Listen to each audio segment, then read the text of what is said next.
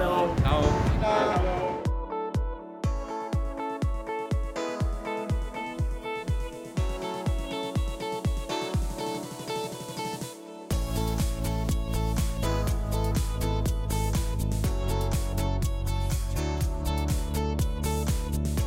今年系我哋嘉利物流第二年参加进博会。进博会的行业很广，来的人也很广，不同专业、不同行业都有。今次亦都再次參加呢個展，而我哋今次攞嘅攤位係比舊年仲要大。其實對誒我哋嚟講都係一個好嘅機會，去打入呢個大陸嘅市場。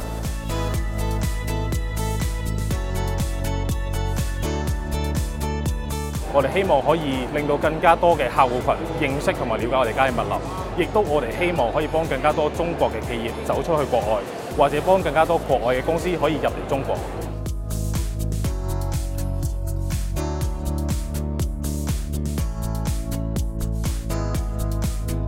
在这个会上有一些企业之间的直接对接，甚至有些开发商，有一些需要我们提供设计服务的公司，我们在这个会上就能够有接触。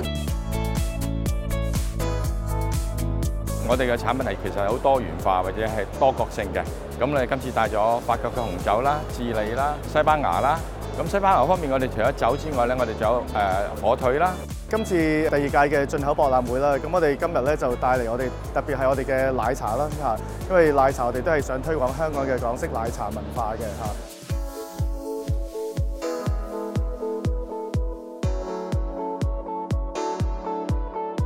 埋我哋感受到，其實大家對香港同埋貿發局嘅一啲嘅形象咧，都非常之好。